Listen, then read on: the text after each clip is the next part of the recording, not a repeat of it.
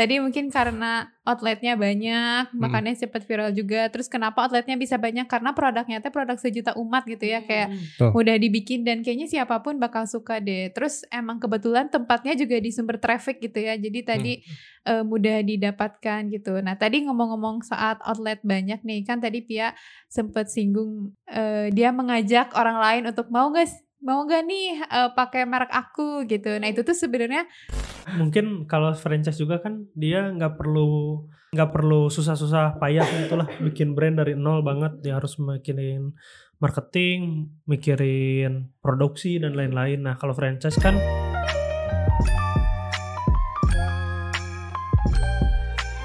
Ta ta ta ta ta ya. Tanta ta ta ta ta Ikutan. ta. Oh, ayo ayo ayo. Yo Iya, balik lagi di podcast Ngobrol Bareng Yubi episode kesekian. Kali ini eh, apa versi lesehan lagi ya. Masih bersama dengan aku Liana, terus ada Ada Pia Iya. di sini. Noval. Dan Rifki. Oke, nah eh gimana kabarnya teman-teman Senin pagi ini? Ini hari Oh. Senin ya? iya, eh kebetulan hari ini kita syutingnya hari Senin. Senin pertama 2022. Iya betul di Senin pertama 2022. Sehat-sehat. Alhamdulillah. Semangat menghadapi tahun baru. Alhamdulillah apa Pi? Alhamdulillah masih bisa masuk. Alhamdulillah ketularan Pia sakit. Semoga cepat sembuh ya teman-teman. Guys sebelum kita apa bahas topiknya mungkin aku ngobrol dulu kali ya biar ada intronya gitu. Kan eh, alhamdulillah kita tuh sekarang tinggalnya di Kota Baru Parahyangan ya. Dan aku sih merasa hidup di Kota Baru teh seneng pisan. Kalian ngerasa Kenapa? juga nggak? Kenapa? Karena Karena- dekat rumah. Iya betul. Terus kayak segala ada gitu loh, kayak rumah sakit ada, pemadam kebakaran ada, sekolah ada. Kalau Donald mau ada juga. Iya, McDonald mau ada juga. Yang paling penting IKEA. Iya, IKEA ada juga. Terus mau ada waterboom juga. Gila sih. Dan termasuk banyak jajanan juga gak sih? Oh Liana apa kemarin tuh apa main golf ya kemarin? Satu minggu aku lihat. Ada lapangan golf juga. Katanya paling bagus Asia katanya. Oh iya memang, baru Oh, tahu ya. memang. Wah, sering soalnya ya. Iya. Ya, nah termasuk banyak jajanan juga ya selain tadi fasilitas. Jadi kalau misalnya sekarang teman-teman cek apa aplikasi pesan makanan tuh di Kota Baru banyak banget tuh. Kayak ada Hmm. coba apa yang jadi favorit teman-teman biasanya? Mixu. Mixu, terus apa lagi? Gak pernah jajan ya, Pi? Kopi Indomaret. Kopi, kopi Indomaret. Indomaret. Banyak Indomaret di sini kan. oh iya. Terus apa lagi mungkin dulu Janjiu. Iya janji. Iya. Dulu kayak sebelum mixu aku si boba deh lebih sering. Iya, CG, terus banyak banget lah, banyak banget jajanan-jajanan kekinian itu termasuk ada juga nih di Kota Baru. Nah, makanya hari ini kita pengen bahas itu. Kenapa sih si makanan-makanan ini tuh kayak cepet banget gak sih berjamurnya? Kayak misalnya Hmm. tadi mixu tuh kayaknya sekarang aku dari sini ke Bandung aja itu tuh udah melewati berapa outlet mixu gitu. Atau janji jiwa apalagi ya dia udah bahkan aku baca tuh udah ada 700 outlet gitu cuma Wow. dalam waktu satu setengah tahun doang. Nah, kira-kira menurut teman-teman kenapa sih makanan kayak gitu tuh bisa Laku. cepet banget viralnya gitu dan bisa ada di mana-mana? Hmm. Siapa Pia dulu dulu, nih? Pia dulu. Ya, yaudah, Dulu, Pia Kenapa dulu. ya? Karena karena banyak peluang usahanya. Jadi dari yang punya brand itu dia mau meluaskan usahanya. Terus bukan hanya dia sendiri itu yang kerja, tapi dia menawarkan sama uh, orang-orang mau nggak uh, pakai uh, merek merek saya gitu jadinya. Jadi makanya kita kalau kalau kita lihat contohnya Mixu ya mungkin yang paling banyak saat ini di kompleks saya aja kayaknya banyak banget Mixu gitu nggak harus uh, nunggu ke kota baru buat beli mixu tapi di sebelah kompleks saya juga udah ada ternyata gitu dan saya lah pemiliknya ya. salah satu Iya. Udah pakai baju merah kan Iya, kayak saya. mas-mas mixu kan. Kok kayak mas-mas ya? Sirik Bamba. Oke, Kalau menurut yang lain gimana? Ya, jadi mungkin kenapa banyak apa eh, banyak cabangnya ya di Hmm. mana-mana. Kelihatannya sih barang atau produk yang dijual juga udah sangat dikenal gitu. Jadi nggak mungkin kan Liana bikin apa stick goreng apa gitu yang susah lah. Pecel lele kan nah, pecel lele kan salah satu yang kita udah nerima pecel lele itu apa pas kita gambarin kita merem juga oh paling ada lele ada sayuran ada apa terus kalau kopi kita merem juga ya paling kopi gitu Iya. gitu. Sedangkan kalau kita bikin usaha baru kayak yang aneh-aneh stick apa gitu kan itu juga kita nggak kebayang ayam daging naon gitu. Jadi masih agak susah. Nah aku lihat mah udah banyak tuh es krim kopi jelas gitu. Eh, si makanan makanan itu makanan sejuta umat. Jadi ditaruh di umat mana pun bakal dibeli. pasti laku ya. Oke. Kalau ya setuju sama Nova sama Pia ya. Cuman yang aku lihat karena eh, kalau case di Kota Baru, Kota Baru tuh pasarnya ada gitu. Oke. Jadi kayak eh, brand-brand yang mau masuk tuh ngelihat dulu eh, udah ada apa? eh, udah ada ruko apa aja, udah ada usaha apa aja di sana gitu. Kalau misalnya kayak misalnya kompetitor udah masuk sana tuh eh, berarti eh, aku juga bisa masuk sana gitu karena kompetitor pun laku di sana. Jadi Hmm. kayak Kota Baru tuh udah istilahnya eh, pasarnya cukup Matang. memadai untuk apa dimasuki oleh bisa waralaba, bisa buka cabang baru gitu ya. Jadi dengan adanya pasar di sana, eh, brand juga kayaknya bakal cepat gitu masuk dan kalau kita lihat sih di Kota Baru kayak mulai banyak itu bermunculan gitu karena mungkin trafficnya besar dan ya Kota Baru udah banyak inilah anchor-anchor buat eh, pendatang wisata gitu. Kayak IKEA terus eh, Bumi Pancasona tuh kan sentra olahraga tuh juga mendatangkan traffic. Jadi kayak secara tidak langsung orang-orang ke sana dan brand-brand juga mau masuk sana sih kalau menurut aku. Oke, aku juga setuju sih sama Pia, sama Nova, sama Kang Rifki. Tadi mungkin karena outletnya banyak, makanya cepet viral juga. Terus kenapa outletnya bisa banyak? Karena produknya teh produk sejuta umat gitu ya, kayak Tuh. udah dibikin dan kayaknya siapa pun bakal suka deh. Terus emang kebetulan tempatnya juga di sumber traffic gitu ya. Jadi tadi eh, mudah didapatkan gitu. Nah tadi ngomong-ngomong saat outlet banyak nih, kan tadi Pia sempet singgung eh, dia mengajak orang lain untuk mau guys mau gak nih eh, pakai merek aku gitu. Nah itu tuh sebenarnya sistem apa sih Pi yang kayak gitu teh gitu? Jadi itu disebut sistem franchise gitu ya. Jadi Hmm. kalau mungkin kita yang lebih dikenal ada eh, bahasa Indonesianya waralaba ya.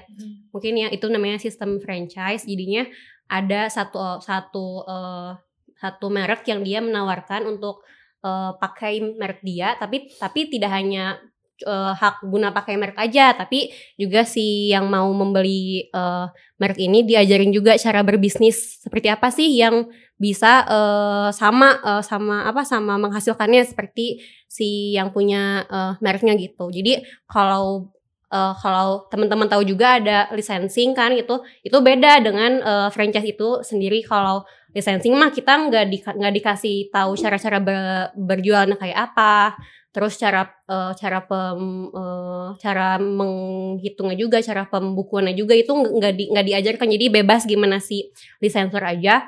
Kalau franchisor orang yang beli franchise franchisee orang yang beli franchise itu dia di, dikasih tahu sama si franchisornya eh, cara berbisnis kayak apa sih yang dia eh, bagus gitu yang dia sudah terbukti gitu. Dan rata-rata itu pada pakai sistem franchise ya yang makanan-makanan kayak gitu teh. betul Ya sih, yang aku lihat juga banyak pakai sistem franchise. Terus yang aku lihat tuh ada perbedaan gitu dari setiap franchise tuh. Jadi misalkan kopi kenangan atau kopi janji jiwa, ada yang dia cuma bisa take away doang, ada yang dia ada tempat duduknya. Nah itu juga mungkin setahu aku tuh eh, ada perbedaan juga di dealing mengambil eh, paket yang mana gitu. Paket store yang besar yang ada tempat duduk apa mungkin revenue-nya juga lebih gede ada yang eh, apa namanya ada yang nggak bisa dine in yang cuma take away doang juga mungkin apa. Jadi itu nyesuaiin juga sih sama si marketnya. Jadi dia nggak harus beli yang nggak beli yang paling tinggi dan harus punya tanah space jualan yang besar. Dia bisa pakai paket yang paling kecil tapi benefitnya sama gitu. Eh iya kalau aku baca-baca sih, jadi franchise itu kita kan mengeluarkan kalau kita mem- membeli franchise gitu ya, kita mengeluarkan biaya untuk membeli franchise tersebut gitu. Dan biasanya tuh ya nggak langsung untung di istilahnya bulan kedua kita beli franchise tuh langsung untung. Tapi skemanya kan banyak ya tadi kalau kata Noval paket-paketnya eh apa ada pilihan apa aja. Nah terus juga itu bergantung eh, balik modalnya juga berapa lama gitu bergantung modal yang dikeluarkan. Jadi eh, aku sih kayak lagi nyari-nyari juga gitu ya. eh, kira-kira untuk meng- memutar uang tuh kira-kira eh, pakai apa ya? Pakai sistem apa gitu? Nah kalau franchise itu eh, biasanya balik modal itu setahun sampai dua tahun gitu. Jadi eh, dan tergantung omset dari ini ya, tergantung performa dari eh, apa toko yang udah kita beli juga sih. Dan gimana kita ngurusnya. Tapi kan tadi ya poinnya kalau kita beli franchise itu kita juga beli sistem gitu ya, beli sistem dari si apa franchiser itu gitu. Dan mungkin itu kayak bisa membuat orang yang asalnya nggak tahu bisnis terus beli franchise yang istilahnya produknya udah ngangenin uh, belajar di sana dan kemudian ya dapat profit di sana dan istilahnya dapat bisnis apa dapat ilmu bisnis juga sih. Mm. Jadi kalau teman-teman yang istilahnya mau beli franchise dan uh, istilahnya belum punya belum punya keilmuan yang mendalam gitu ya, terjun langsung sendiri gitu ya. Franchise itu salah satu cara yang mudah dan simple gitu untuk mulai bisnis sih gitu. Kayak bisa belajar langsung Oke. gitu. Tadi mungkin salah satu kelebihannya bisa belajar langsung sama si yang pemilik si bisnis eh, pertamanya ya. Terus selain itu menurut teman-teman menarik gak sih si franchise ini gitu untuk kita ambil baik itu sebagai kita yang membeli franchise ataupun kita yang membuka franchise gitu. Aku dulu. Nah, boleh. boleh. Eh, Silakan. Iya, kalau kalau punya uang dingin, misalnya kalau teman-teman punya modal yang cukup untuk membeli franchise, eh, menurutku itu salah satu langkah yang eh, ideal lah untuk eh, bisnis gitu. Cuman kalau misalnya teman-teman kayak istilahnya mau start dari modal yang gak gede-gede amat, eh, mending dari reseller atau dropshipper gitu. Soalnya eh, itu kan franchise perlu modal gede dan istilahnya untungnya tuh di setahun atau dua tahun gitu kan istilahnya harus ada eh, ya bisa sih kita eh, apa eh, dapat profit gitu ya tiap bulan. Cuman kalau untuk balik modal dari investasi misalnya 200 juta atau kan franchise kayak yang gede-gede tuh ya misalnya martabak San Francisco terus pecel lele lela Baba Raffi kebab Baba Raffi itu tuh kan membutuhkan eh, apa ya biaya franchise yang besar ya. Jadi istilahnya kalau misalnya mau balik modal, misalnya keluar 200 juta, balik lagi 200 jutanya itu ya setelah 2 tahun. Jadi istilahnya harus punya uang dingin gitu. Kecuali teman-teman eh, ya sultan gitu ya, pengen buka franchise di mana-mana ya, itu salah satu cara yang asik sih buat bisnis.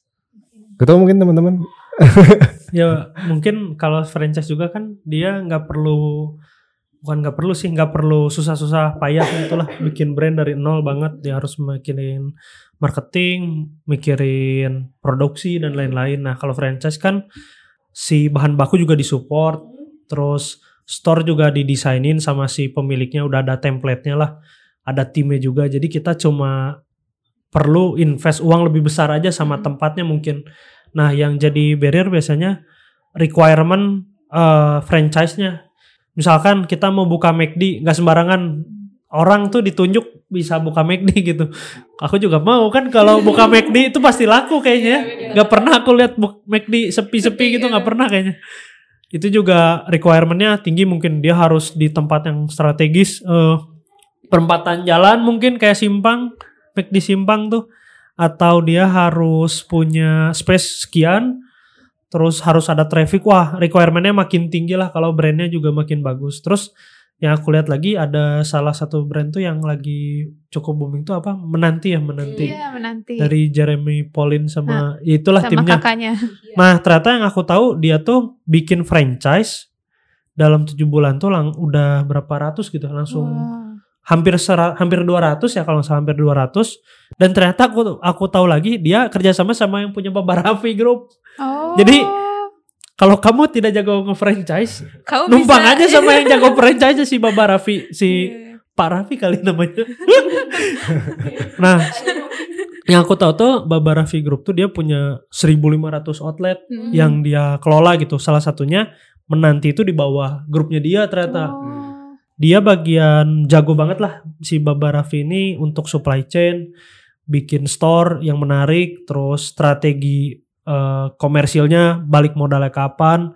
Nah di sisi lain si Jeremy Pauline itu udah aja full marketing gitu. Iya karena Jadi dia ini- punya traffic besar juga ya. Heeh, jadi si Jeremy Pauline pengen nge-franchise tuh udah ideal dia core operasionalnya udah dipegang sama orang yang pintar banget. Terus si ininya juga udah dipegang sama dia jadi fokus gitu dan kemungkinan katanya kan tahun depan mau di atas 200 tuh katanya. Hmm. Tahun ini ya, udah, udah, udah Iya, tahun depan ini. Happy Itu- Year. jadi ini sih jadi apa? Jadi keren banget kalau punya partner yang udah jago. Dan kalau nggak salah McD tuh kalau misalnya kita itu aku dengar dari siapa ya yang istilahnya kalau misalnya McD Hmm. kita beli franchise McD terus kurang laku katanya bakal dibantuin Kurang laku teh. kurang laku jadi si penjualannya nggak nggak Kurang bagus kurang eh. Hmm. jadi itu tuh bakal di support katanya di apa sama si apa pemilik franchise-nya gitu Hmm. kayak ini kenapa kok bisa kayak gini terus eh, gimana caranya mendatangkan traffic dan lain-lainnya sih Aku nonton di e-course-nya Pak Burang, How to Franchise Your Business. Jadi yang mana li? yang E-course-nya? ini. Jadi oh sih Oh, ini. keren banget. Jadi Pak Burang juga bilang gitu kan salah satu kewajiban franchisor tuh untuk membimbing si eh, apa si franchisee-nya nyampe sukses gitu. Nah, jadi kalau misalnya si franchisornya nggak ngebimbing itu dia boleh menuntut juga gitu. Betul. Kayak boleh menuntut ke Hmm. franchisornya. Asal ada di perjanjian. Eh, ada di perjanjian juga gitu. jadi harus diteliti dulu ya bisa bisa Ah. jadi di perjanjiannya nggak ada apa nggak ada deal itu gitu Ah. Jangan asal tanda tangan, tapi Iya. harus jelas dulu apa hak dan kewajiban franchisor dan franchisee-nya. Iya, itu Hmm. juga tips-tipsnya dibahas di e-course ini. Iya gitu. Lanjut ya. Kalau dari sisi pemilik bisnis ya, kan eh, franchise ini salah satu ini ya, sal- apa, saluran distribusi yang Hmm. potensial ya. Hmm. Tapi mungkin ada syarat-syarat juga nih, eh, apakah bisnis kita memang layak untuk di franchise-kan atau enggak? Masa kita eh, bikin suatu bisnis baru langsung mau di franchise-kan kan nggak bisa gitu juga ya. Harus udah ter, apa udah terbukti dulu eh, si cara-caranya si mekanismenya udah tepat dan sudah memang menghasilkan belum baru kita bisa tawarin ke orang lain masa kita belum belum apa belum sukses sukses. Belum apa ya belum, belum di fase Mm, belum di belum ya belum ter belum terbukti sukses si bisnis kita tapi udah nawarin ke orang lain kan nggak boleh gitu juga ya? Mm.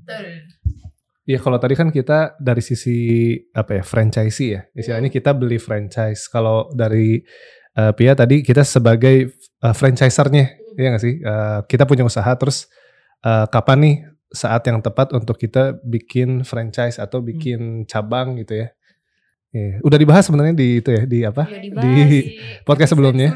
ada yang kapan waktu yang tepat untuk buka cabang. Iya, terus kayak tadi ya jadi inget menanti lagi. Hmm. Sebenarnya salah satu kan kita tadi berawal dari ngomongin makanan viral ya. Hmm. Sebenarnya selain outletnya banyak tuh menurut aku rata-rata yang viral tuh karena promosinya pakai influencer gak sih? Ya, kayak, betul Heeh, kayak apa? Traffic ban itu siapa teh? Siapa? Fadil Heeh, Fadil. Fadil. Nah itu juga kan Fadil. sebenarnya tuh yang punya si franchise-nya tuh Nikmat Group. Jadi Nikmat Group tuh punya beberapa franchise, beberapa merek gitu. Nah yang Traffic Ban ini kerjasama sama Fadil. Hmm. Itu buat ngepromosiin sehingga jadi boom gitu. Mungkin dan rata-rata kayak gitu juga sih mungkin. Ya, jadi memang kan kalau tadi Pia cerita, tadi saluran distribusinya tuh franchise. Nah saluran promosinya juga bisa difikirkan lagi gitu. Yang kalau mau ini ya, apa kalau di BLL tuh kan ada peningkat konversi. Nah, mungkin di bagian itu. Jadi tadi eh, produknya tadi harus bagus, terus mereknya harus bagus, tapi ada lagi pengungkit konversi itu influencer bisa jadi salah satunya sih. Jadi kalau contohnya Jerome Pauline tadi tuh dia udah punya saluran distribusi, terus dia sendiri influencer gitu kan udah punya saluran promosi sendiri kayak. Mungkin ada sih franchise yang nggak pakai influencer. Iya.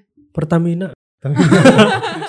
cukup cukup kita oh iya bensin butuh nih. Terus dibuka aja.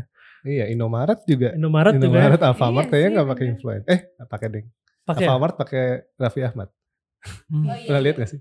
Jadi nggak nggak harus pas buka apa franchise tuh harus langsung influencer tuh sebenarnya nggak harus ya. Nah, Jadi bisa bertahap gitu dari iklan dulu mungkin ya.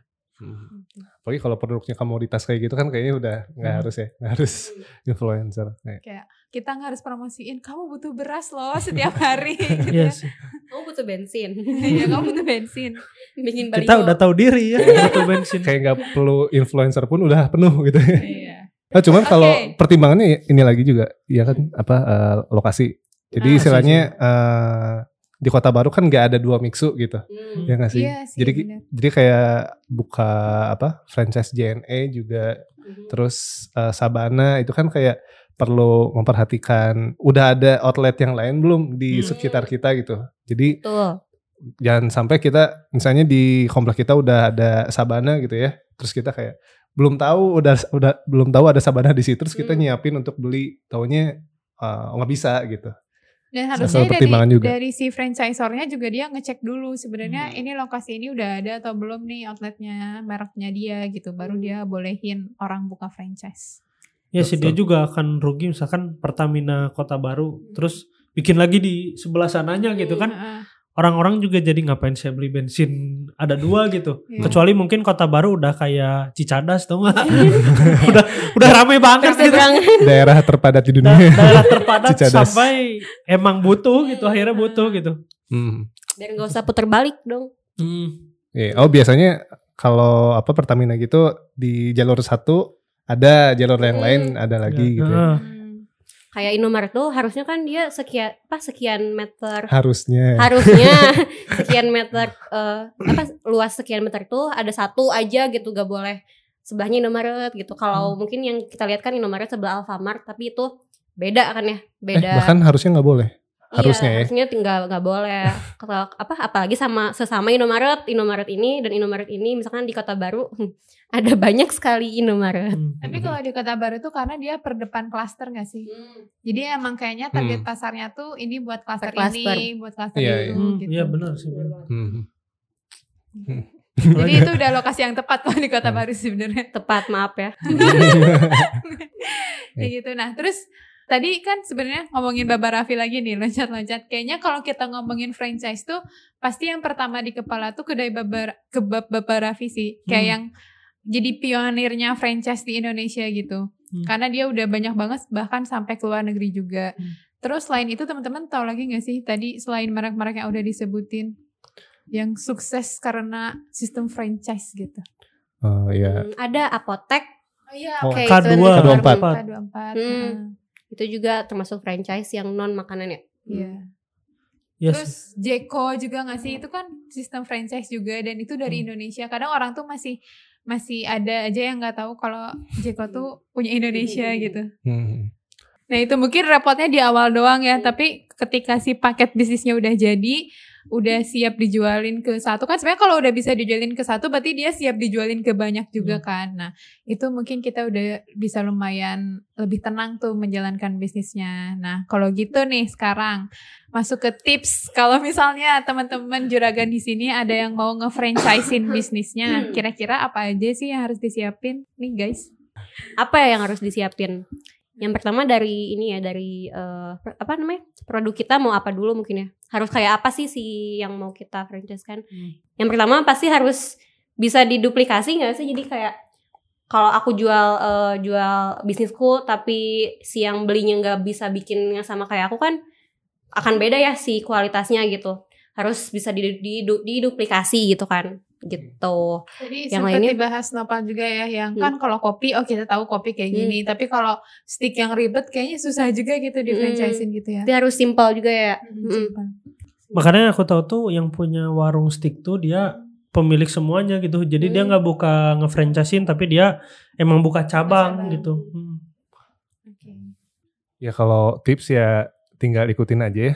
ikutin eh, di course-nya dan apa istilahnya bisa diduplikasi itu kan start dari kita starting, profiting, terus systemizing. Jadi istilahnya eh, kita udah punya apa? Udah punya. Kalau starting kan istilahnya kita udah punya tim, udah punya istilahnya apa bisnis yang eh, real gitu. Terus kalau naik ke profiting ya kita udah udah profit dulu gitu. Jangan sampai yang udah yang mau kita eh, apa franchising teh eh, justru malah merugikan gitu, malah merugikan kita sebagai pemilik gitu.